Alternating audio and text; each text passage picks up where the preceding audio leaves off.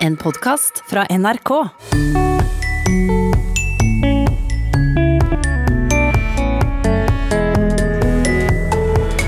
Han har formidla nyheter om koronaviruset så du nesten har kjent at det puster deg i nakken. Det er som tyver som eh, du må prøve å ta før de har stjålet noen ting i det hele tatt, bare for du vet at de er tyver. Professor i retorikk er imponert. For han er jo både en klok og en veldig festlig journalist som alltid, nesten alltid iallfall, snakker i bilder og forsøker å gjøre det generelle konkret. Og Språkteigens lille latinskole er tilbake, og vi prater bl.a. om det aktuelle ordet kohort. For meg som eh, klassiker eh, betyr det jo en hæravdeling. Vel møtt til Språkteigen. Vi skal altså starte i det retoriske hjørnet i dag, og nok en gang se på kommunikasjon i krisetid.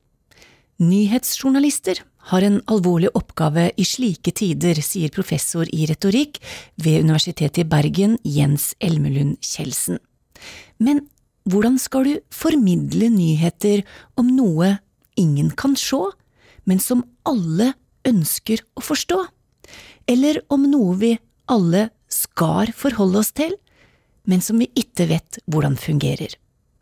En stor utfordring som du, Jens, mener særlig én journalist har løst på en forbilledlig måte, og hvem er det? Det er Halvard Sandberg. For han er jo både en klok og en veldig festlig journalist som alltid, nesten alltid iallfall, snakker i bilder og forsøker å gjøre det generelle konkret. Og du har kanskje både sett og hørt Halvard Sandberg her i NRK fortelle om det snikende koronaviruset. Denne viruset her, det er ikke lett å forholde seg til, altså. Det er som tyver som eh, du må prøve å ta før de har stjålet noen ting i det hele tatt, bare for du vet at de er tyver. Og om hvordan vi skal forholde oss til viruset når vi ikke kan se det, f.eks. når du skal ete. Ikke gjør det på rutine. Jeg tar alltid bagetten sånn, så spiser jeg. Jeg tar alltid sjokoladen sånn, så gjør jeg. Nå gjør du ikke det. Nå sier jeg ok, den er dekt av hundeavføring, utsiden. Ja, altså Han snakker jo om koronakrisen. Og han snakker både om smittespredning og om selve virusen. Og alle disse ting er jo faktisk noe vi ikke kan se, og noe som er ganske vanskelig å forstå. Men så klarer han å formulere språket på en måte så vi tenker å ja, sånn er det. F.eks. ganske tidlig i krisen så var det litt vanskelig å skjønne hvordan denne virusen egentlig spredte seg, og med kraften og hastigheten den spredte seg. Og Da husker jeg veldig godt jeg hørte han fortelle jeg tror det var en billiardkule. Hvor han sa 'forestill deg en rød billiardkule'. Og så skyter du den av gårde, og så rammer den to andre kuler.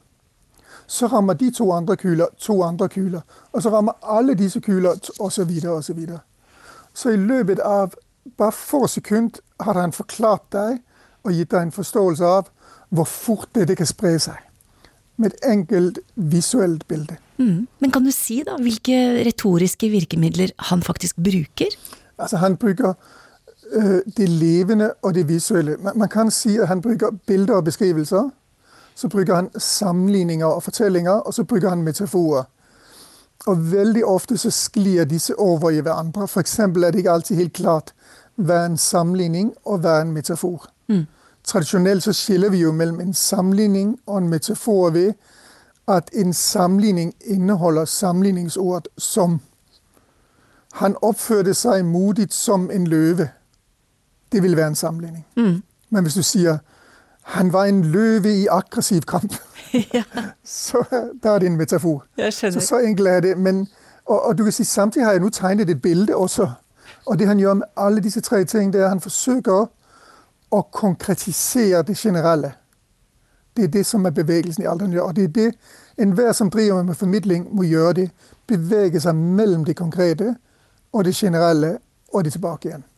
Ja, vi har jo allerede hørt et par eksempler, men du har funnet noen flere. Og vi starter med et uh, bilde. Ja, altså et, et bilde kan f.eks. være bare en beskrivelse. Han hadde f.eks. en beskrivelse hvor han skulle fortelle om verdien av å bruke munnbind. Og det er bare et veldig enkelt eksempel, men det viser hva, hva visuelt tenker. Eh, jo, munnbind er veldig effektivt for å forhindre at du smitter andre. Ikke kan du forklare hvordan? Ikke forhindre, men i hvert fall begrense. Da. Nei, for du har, jo, du har jo lukka igjen den der gapet som spruter ut virus. Du har jo liksom, du har jo tørkle foran. De blir jo bedt om når du nyser eller hoster, så skal du ha lommetørkle. ikke sant? Og det er først når du liksom hører det, tenker å ja, det kommer jo veldig mye ting ut av munnen min hvis jeg hoster. Framfor bare å si ja, man kan ut, det kan gå øh, bakterier eller virus ut når vi gjennom øh, munnveiene. Så det vil være et sånn veldig enkelt eksempel på han, han ser visuelt. Mm. Og det vet vi jo egentlig helt tilbake fra antikken, altså 2000 år tilbake. De gamle romere og grekere som lærte oss om retorikk. Cicero, Aristoteles, selv professoren Quintilian, som var verdens første professor i retorikk, de snakket om at øh, det visuelle, det visuelle er verdens sterkeste sans. Så du må på en måte snakke til høyt. Du må male bilder med ord. Tegne med formuleringer. Det er faktisk øh, en av disse kvintilianene som levde sånn 100 år etter Kristus. Han sier at hvis du skal bevege tilhørende, så må du først bevege deg selv. Og hvis du skal bevege deg selv, så må du tegne med ord. Han sier f.eks. hvis du skal fortelle at et overgrep skjedde, eller en by ble erobret, så sier ikke du bare at byen ble erobret, eller det skjedde et mord. Så sier han du må appellere til fantasien. Du må beskrive hvordan morderen sprang fram, offeret skalv, ropte om hjelp, bønnfalte om nåde. Blodet løp ned skulderen, han forsøkte å flykte, betruffet av slaget og falt. Så jo mer konkret og levende du beskriver det, jo bedre husker vi det. Og Det er jo derfor jeg husker de billiardkulene ennå. Vi har òg et eksempel der han tar i bruk det du kaller en retorisk fortelling. Nei, han, har, han hadde en fortelling, han har jo mange forskjellige fortellinger, men han hadde en fortelling som også er en slags analogi, og analogi er også en slags sammenligning. Og Fortellingen var om, om høns. Ja, og den kom etter at restriksjonene hadde vart ei stund og dugnaden så ut til å virke. Og så da må du ikke liksom sånn Å ja, ok, tallene ser fine ut uh, nå. Kan vi kanskje kline litt igjen, eller et, et, eller annet? ikke sant? Nei! Du kan ikke det, ikke sant? Jeg kan ikke det. Jeg, eh, jeg, prøvde å bruke en sånn bilde med det at det, ok, du, hønsene dine blir tatt av reven. Ikke sant? Du har mista massevis av høns, så da går du til det skrittet at du kjøper inn et svært gjerde, og så putter du rundt alle hønsene dine. Ja, og så Å ja, det er kjempefint. Alle hønsene mine er i live, og de trives og sånt noe. Da kan jeg rive ned gjerdet. Ja, det forstår du. Nei, du kan ikke det, vet du. Du kan ikke det, For reven er jo der ute. Ja. Og sånn er det. Så vi kan ikke rive ned det gjerdet nå. Vi må, vi må, nå skal vi holde hønsene, alle hønsene trygge og snille. Og så skal vi ut og drepe reven. Og det var hans måte. det var hans måte å forsøke å si ja, men virusen er ute der. Hvis vi bare stenger ned. Og så sier vi nå ja, men det er jo veldig få som er blitt syke. Nå kan vi bare åpne opp igjen. Ja. Så vil han si vel, det kan du ikke. For i det øyeblikk du åpner opp, så løper reven inn igjen. Mm. Og det poenget med at eh, viruset fortsatt er der ute, det illustrerte den òg på en litt annen måte. Dette her går jo riktig vei.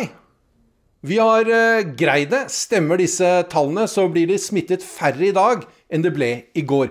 Men smitten er jo der fortsatt. Det er som om vi er ute i en båt med et stort uh, hull i. Vi har øst helt som gale i tre uker, og nå er det nesten tørt. Men hullet er jo der fortsatt, slik at hvis vi slutter å øse, så vil vi ende opp med å synke. Så da har vi muligens et stort problem. Det problemet kalles et koordineringsproblem i spillteorien. Det høres kanskje vanskelig ut, men det er veldig enkelt. Hvis folk får den inntrykket at deres egen lille innsats ikke betyr så veldig mye i det store og hele, så er det enklere å gjøre det som passer en selv. Det tredje retoriske grepet du har nevnt, Jens, det er sammenligninger. Og det skal vi òg høre et eksempel på. Ja, Han snakker om det med hva vil skje hvis vi bryter denne sosiale distansering. Hvis vi ikke opprettholder det vi har fått beskjed om å gjøre. Øh, og så har han forsøkt å forklare hva er verdien av sånn sosial distansering, og hvordan fungerer det. For dette her er ikke som en ankekjetting, hvor da alle vet jo det at hvis ett av leddene i en ankekjetting ryker, så går ankeret til bunns. Kampen mot smitte er en kollektiv innsats. Du kan se det som en gjeng med fotballsupportere. Det står liksom 400-500-600 stykker der og hoier og skriker og vil at laget skal vinne. Hvis én av disse supporterne bestemmer seg nei, jeg vil ikke hoie og skrike, jeg vil heller drikke en øl og være stille, så betyr ikke det så veldig mye i den store sammenhengen. Men tenk da hvis 400 av dem slutter å hoie og skrike. Da vil kanskje laget tape. Litt tilbake til det du sa om antikkens store retorikere, Jens, og det å bruke fantasien og sette i gang følelser. Det kan jo være en fare for at det blir mer følelser enn fakta, og at du mer forleder og spiller på følelser. Ja, altså, jeg, jeg, bruker som regel ikke ordet 'å spille på følelser'. Nei. Du kan forlede med fakta. altså Man sier jo statistikk er en av de største løgnene som finnes i verden. Så det kan du forlede med. Du kan jo lyge med fakta. Men du kan jo lyge med følelsene også. Men det endrer ikke ved at både fakta øh, og det levende, det visuelle, gir deg erkjennelse og forståelse. Og det skjer jo ikke bare i hverdagen, det skjer jo til og med i vitenskapen, hvor mange av våre viktigste vitenskapelige teorier og utforskninger øh, er utformet øh, som metaforer. Og ikke bare blir forklart som metaforer, som man kan forklare folk som ikke kjenner den, men er tenkt som metaforer i utgangspunktet. Tenk f.eks. på um, Platons hylelignelse, som skal si noe om hvordan mennesker lever i verden, har tilgang og forstår verden. Hvor han sier at det eneste vi mennesker ser, det er egentlig skyggene av de riktige mennesker på veggen. Det er jo et bilde. Um, tenk på hvordan vi forstår strøm. Strøm blir beskrevet i hvert fall av noen forskere som bølger. Det er jo en metafor. Det er ganske mange um, vitenskapelige teorier som slik er skapt på visuelle metaforer. Og det er ikke på gøy, det er fordi det er slik vi mennesker forstår. Mm. Så ikke noe unntak for uh, nyhetsformidling? Nyhetsjournalisten har en veldig alvorlig oppgave. og Grunnen til at jeg har valgt å snakke om Halvard Sandberg, det er også fordi han er jo ikke en, bare, en sånn som bare finner på gøye bilder. Altså Halvard Sandberg kaller seg selv en nerd. Altså en mann som tar de saklige sakene så å si alvorlig. Altså Han setter seg ned og så leser han grundig alt det han kan finne her. Han er veldig nysgjerrig og vitensbegjærlig og forsøker å finne ut hvordan det fungerer. Og når du gjør det og begynner å forstå det, så blir det også veldig stor glede å forklare det til andre. Så du kan si det er ikke nok å være en som bare vet mye, men det er heller ikke nok bare å være en som kan skape gøye fortellinger. Du må vite mye og ha kontroll på kunnskapen din, men så må du også være i stand til å formidle det på en forståelig og interessant måte. Mm. Så det er en veldig stor og viktig oppgave for journalister, som jeg syns Halvard Sandberg løser på en forbilledlig måte. Helt til slutt, Jens. Du har merka deg et ord som kanskje er veldig beskrivende for det stadiet vi er i i krisa akkurat nå? Ja, nå er det jo sånn, det, jeg, har, jeg, har, gitt en klem til min kone og mine barn. Ja. Men det er godt nok lenge siden jeg har gitt en klem til en god venn. Eller en god kollega. Og det opplever man i Danmark også. Så i Danmark har de utviklet et ord for det. Altså trangen til rett og slett å røre hverandre og gi en god klem. Og det kaller de for hudsult. Altså hudsult. Sulten på hud? Sulten, sulten på hud, ja. ja. Jeg er sulten etter å gi en vanlig klem til folk jeg holder av. Og det som skjer med språket, det er at når vi kommer i nye situasjoner, hvor vi opplever følelser og emosjoner vi ikke har, egentlig har opplevd før, fordi vi har jo alltid kunnet røre ved hverandre, så må vi ha ord for å uttrykke det. Og danskene har altså begynt å bruke ordet hudsult. Takk til deg, Jens Elmelund Kjeldsen, som er professor i retorikk ved Universitetet i Bergen.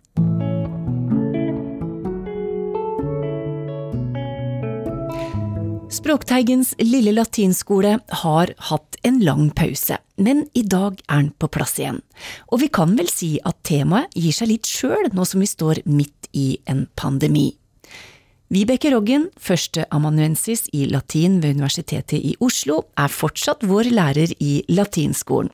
Og først så skal vi til et ord som har vakt litt oppsikt etter at barnehager og de minste skoletrinna starta opp igjen, nemlig ordet kohort. Ifølge en veileder fra Utdanningsdirektoratet skulle unger og voksne deles opp i mindre grupper for å hindre smitte, og den gruppa ble altså kalt for en kohort. Et ord mange foreldre kanskje kjente best fra Asterix. Ja, det brukes eh, for meg som eh, klassiker. Det betyr jo en hæravdeling av romerske hæren i antikken. Eh, Men eh, hvis man ser nærmere på ordets betydning, så er det opprinnelig en eh, innhegning. Eh, Et gårdsrom eller et, eh, en innhegning for krøtter ute på landet, da. Ja. Og det, i den betydningen har latin lånt ordet fra gresk, og der heter det kjortos. Og så er det blitt overført uh, ved metonymi, altså at et ord er flyttet over uh, fra, den som, fra selve innhegningen til dem som er inni den, da, og så er det blitt til en avgrenset mengde. Så sånn sett eh, er det jo meningen at disse barna skal være avgrenset, da, Ja. og holde seg for seg selv. Men eh, ordet er f.eks. på Ciceros tid særlig brukt i krigsspråket om eh, en tiendedel av en legion. Og det var da Det vekslet gjennom tiden hvor stor en sånn kohort var, men eh, 420 mann. Og så alt i alt da 4200 i en legion, pluss 300 ryttere. Men eh, min datter som er barnehagelærer, sier at eh, de små gruppene som eh, arbeidet og samværet skal organiseres i, er tre barn på småbarnsavdeling som hun arbeider på, da. Og én voksen. Og så kan de samarbeide med en annen kohort. De er da samarbeidskohorter, men det skal være den samme samarbeidskohorten, da. Men eh, hva syns du om valget av ord? Ja, jeg liker jo alltid at man bruker ord fra klassiske språk, men eh, det, det jo, kan jo være gjenstand for diskusjon eh, om noe som assosieres særlig med krigsspråket, da. Om det er regnet til eh, småbarn. Men hvis man mener at småbarna også skal krige mot viruset, så passer jo det. Språkrådet liker ikke dette ordvalget og mener at det burde vært valgt et ord som kommuniserte bedre hva dette faktisk er. Fra kohort til det mest nærliggende ordet når vi prater om pandemien, og som vi så vidt har vært innom i Språkteigen tidligere, det er sjølsagt ordet korona. Ja, det heter korona på latin også. Og det er et låneord i latin fra gresk, korone. eh, Og adjektivet koronis, som betyr noe buet eller krumt. Og så vidt jeg kan se, så er det latin som har dannet da det substantivet hvor det betyr en krets av mennesker, og det betyr en krone, f.eks. sånn til å ha på hodet.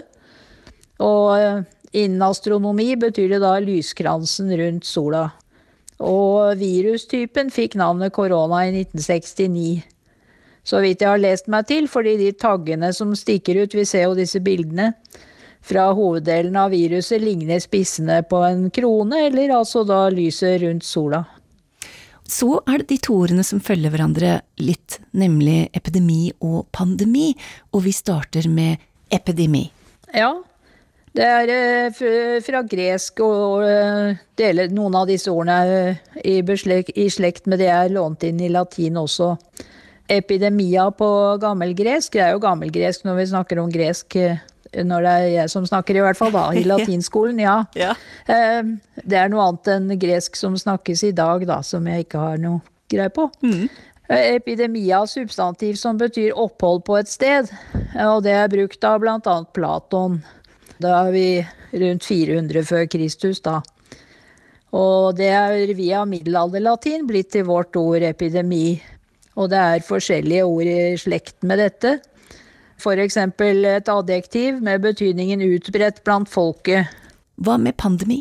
Pandemi, det må, tror jeg må ha blitt dannet i gammelgresk etter epidemi. Eh, For der mangler det på en måte dette epi som betyr på eller hos i denne sammenhengen. Pan betyr alt eller alle, avhengig av bøyningsformen av den første delen.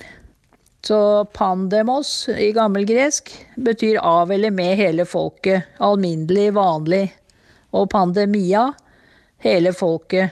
Men uh, ifølge et leksikon uh, unser tegliches griechisch, vår daglige gresk, Vår er det nylatin ordet har fått den forbindelsen vi dessverre kjenner i dag. Nylatin er som kjent latin som er brukt etter middelalderen, da fra 1300-1400-tallet av. Så vår daglige gresk, det er jo et fint eh, navn på et leksikon. Vi bruker jo gresk hver dag. Ja, ja uten å tenke over det, kanskje. Men et eh, annet ord vi hører ofte nå, det er virus. Hvor kommer Virus, det? Virus, Ja. Ja, det er et latinsk ord. Og ja, i antikkens latin har det betydninger som slim, dyresed og gift. Det er vel det siste som har gitt opphav til, til den bruken vi kjenner. Og så er det jo et ord som mange har hørt nå etter hvert, men som vi kanskje ikke har reflektert veldig over hva betyr, nemlig covid-19. Ja, det, det, har ikke jeg tenkt over heller før jeg begynte å undersøke det nå. Nei. Eh, det, det, er forkortet på en måte, da. Det er de to første bokstavene av korona først, og så de to første bokstavene av virus. Og den D-en kommer fra engelske ordet for sykdom, disease. Eh, og 19 er da fordi dette oppsto i 2019. Og de to første av disse ordene har vi jo snakket om. Og mm. disease er det motsatte av at noe er easy på engelsk. Og eh, den siste delen, eller den easy-delen, vi er ikke sikre på hva kommer av. Vi har ikke klart å finne ut, men eh, prefikset dis foreligger i latin og har forskjellige betydninger, og bl.a. gjøre noe om til det motsatte, og det er den betydningen vi har her. Mm. Og fra covid-19 skal vi til et annet koronavirus, nemlig sars. Ja, og det er enda mer mystisk å finne ut av på egen hånd uten å slå det opp, syns jeg. Ja. Det er eh, fra engelsk Severe Acute Respiratory Syndrome. Og alle disse ordene har bakgrunn i klassiske språk, og det illustrerer jo hvor mye engelsk har eh, fra klassiske språk. Det er adjektivet severos på latin, som betyr alvorlig, uhyggelig, fæl.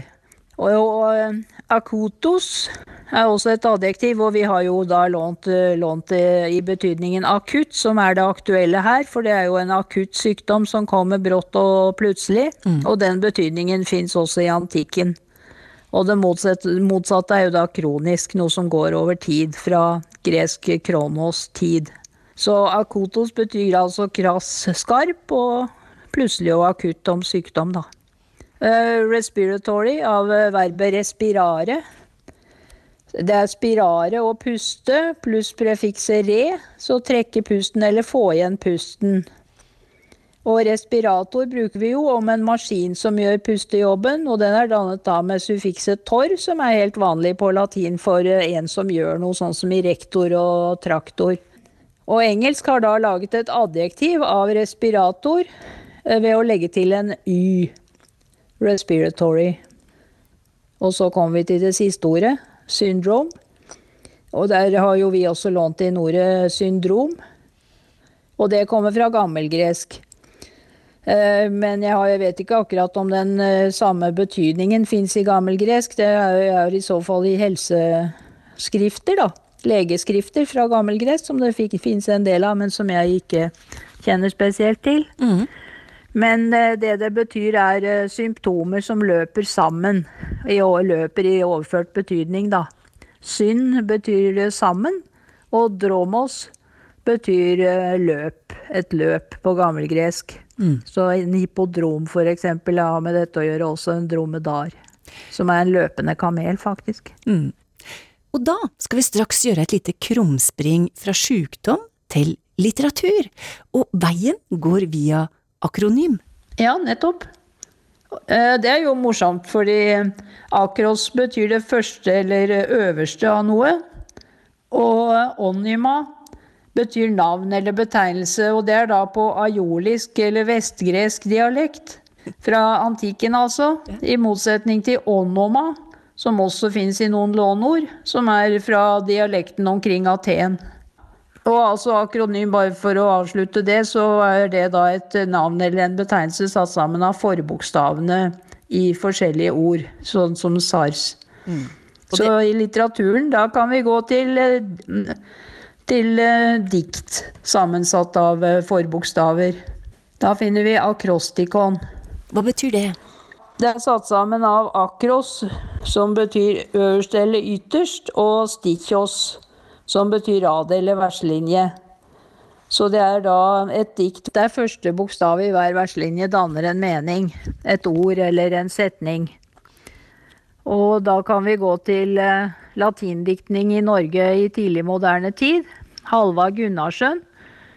Eh, han skrev da eh, akrostikis de inauguratione Christiani quarti. Ja, et eh, akrostikon ved innvielsen av Christian den 4. Og jeg har et nyere eksempel også, selv om det ikke er så veldig ferskt akkurat, men det er fra annen verdenskrig. Av en eh, Ragnar Hauger. Han skrev et eh, krigsdikt på norsk. Hvis man leser da første bokstav i hver linje, som det er det man skal her, så blir det 'Libertas vinkit', friheten seirer. Men selve diktet er på norsk, altså. Det begynner 'La diktet klinge klart som klemt av klokker'. I hjertets dyp mens verden går sin gang. Der har vi allerede li i Libertas.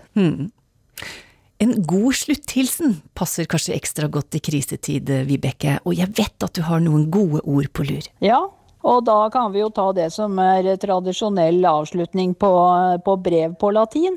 Ja. Som noen av oss fremdeles skriver av og til. Nemlig cora ut valias. Cora, imperativ, er et verb corare, sørge for. En kur er jo eh, brukt på norsk også. Sørg for. Ut, at. Valias, at du er frisk. frisk. har lev vel, altså.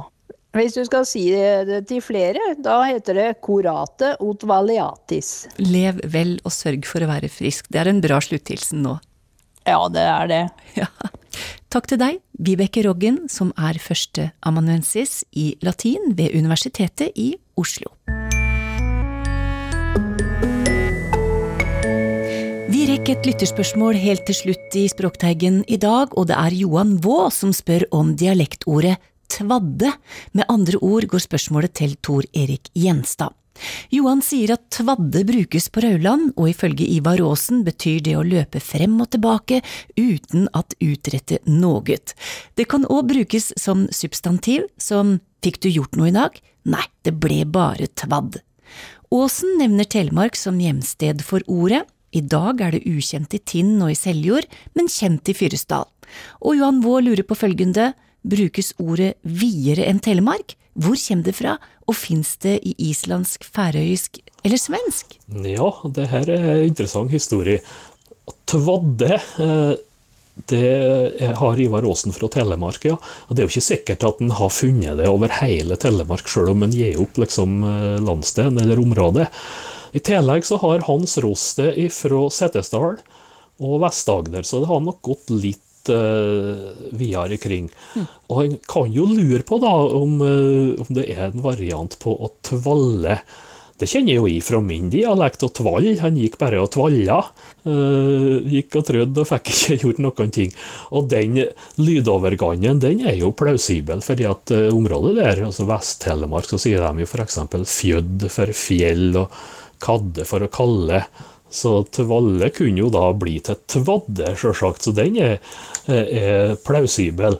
Alf Torp, eh, hans etymologiske ordbok, han er inne på det at det kan være eh, tvalle til tvadde. da. Men eh, så at det kan høre til et annet ord, tvadre, som også betyr å gå att og fram i ring, seint og planløst. Det finnes da i svenske dialekter. Og engelsk dialekt nevner et ord twaddle eller twaddle, som betyr å gå svakt og usikkert. Så det er forskjellige ord som kan eh, henge i hop her. Men eh, det er nok ganske lokalt for eh, Vest-Telemark i dag, vil jeg tro. Hva med islandsk og færøysk, har du noe ha, har ikke funnet noe direkte parallell der, men eh, det er gammelt ordmateriale her, så det kan sikkert eh, finnes, eller har funnes, ja. Takk til Tor Erik Gjenstad. Har du spørsmål, send dem til teigen krøllalfa nrk.no. Takk for i dag. Ha det bra.